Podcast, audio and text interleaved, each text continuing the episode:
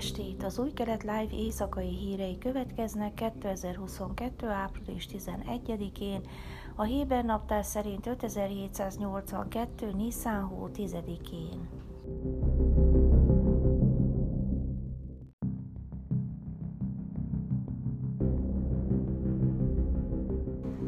Vasárnap után hétfőn is palesztinok törtek be a Schem közelében található József sírja komplexumba, és megrongálták a szentét. A közösségi médiában keringő videón egy férfi kövekkel dobálja a helységet, ahol a már megrongált sír látható. A videóban egy férfi arabul azt mondja, nincs többé József sírja, árulók. A megjegyzés feltehetően a palesztin hatóságra utalt, miután Nablus régió kormányzója ígéretet tett a helyszín helyreállítására a vasárnapi rongjálást követően, és megerősítette, hogy a szentély a palesztin hatóság védelme alatt áll, és Nablus a három vallás városa. Palesztin sajtóértesülések szerint a palesztin biztonsági erők hétfő reggel azon dolgoztak, hogy helyreállítsák a rendet a szentély körülvevő területen.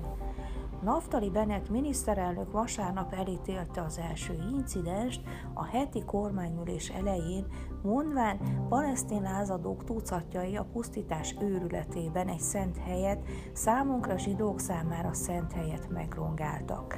Összetörték a síremlék feletti kopjafát, és felgyújtották a komplexum szobáit. Láttam a sokkoló képeket, nem tűrjük el, hogy Pészak előestéjén ilyen támadást hajtsanak végre, egy olyan hely ellen, amely számunkra szent, és elkapjuk a zavargókat. Természetesen gondoskodni fogunk a helyreállításáról is, ahogy mindig is tesszük, tette hozzá a miniszterelnök.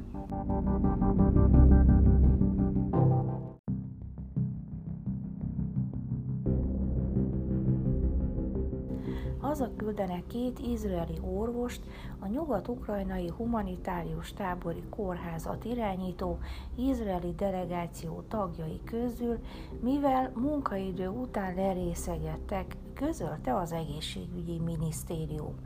A minisztérium közleménye szerint a Haifai Rambam orvosi központból, illetve a Náriai Galilea orvosi központból Ukrajnába érkezett orvosokat szakmai kötelezettség szegés miatt küldik haza. Nachman Ás professzort, az egészségügyi minisztérium főigazgatóját szombaton értesítette az orvosok hazaküldéséről szóló döntéséről az ukrajnai izraeli delegáció vezetője dr. David Dagan. A Kohav Meir néven futó tábori kórházat a Lviv melletti Mosztiszkában egy általános iskola területén hozták létre, és március 22-én kezdte meg egy hónaposra tervezett működését. A jelentések szerint Naga munkaidő után ittasan találta a két orvost, és úgy döntött, hogy alkalmatlanoknak nyilvánítja őket a delegáció tagjaként való további munkára. A kiadott közlemény nem részletezi a Dagát döntéséhez vezető körülményeket, az egészségügyi minisztérium közölte Ás kérését, miszerint a Rámbám és Galilea egészségügyi központok főigazgatói folytassanak vizsgálatot a szóban forgó orvosokkal kapcsolatban hazatérésüket követően.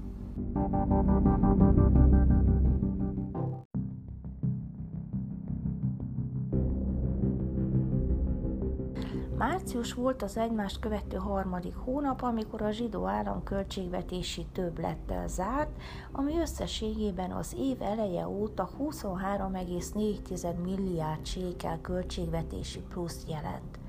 Eközben Izrael fiskális hiánya is tovább csökkent, a március végéig tartó 12 hónapos periódusban a hiány 23,4 milliárd sékel, azaz a GDP 1,4%-a volt, a február végéig tartó 12 hónapos időszak 2,2%-os hiányát követően jelentette a pénzügyminisztérium főkönyvelője.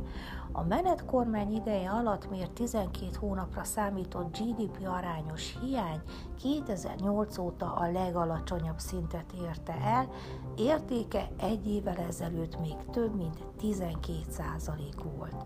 Az állami bevételek január-márciusban meghaladták a 125 milliárd séket, azaz 29,3%-kal többet, mint az előző év azonos időszakában.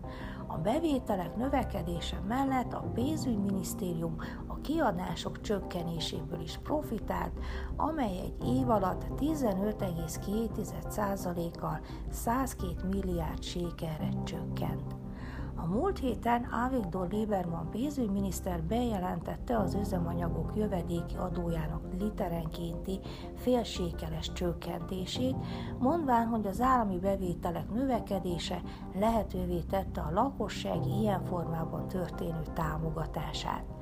Ezt követően kiderült, hogy az üzemanyag jövedéki adóból származó állami bevételek márciusi emelkedése már önmagában elegendő volt a csökkentés egy részének finanszírozásához, mivel az üzemanyagadóból származó bevétel 2022 márciusában 1,9 milliárd sékel volt, azaz 23%-kal több, mint tavaly márciusban közvetlen adóból származó állami bevételek 2022 első negyedévében 26,6%-kal növekedtek az előző év azonos időszakához képest.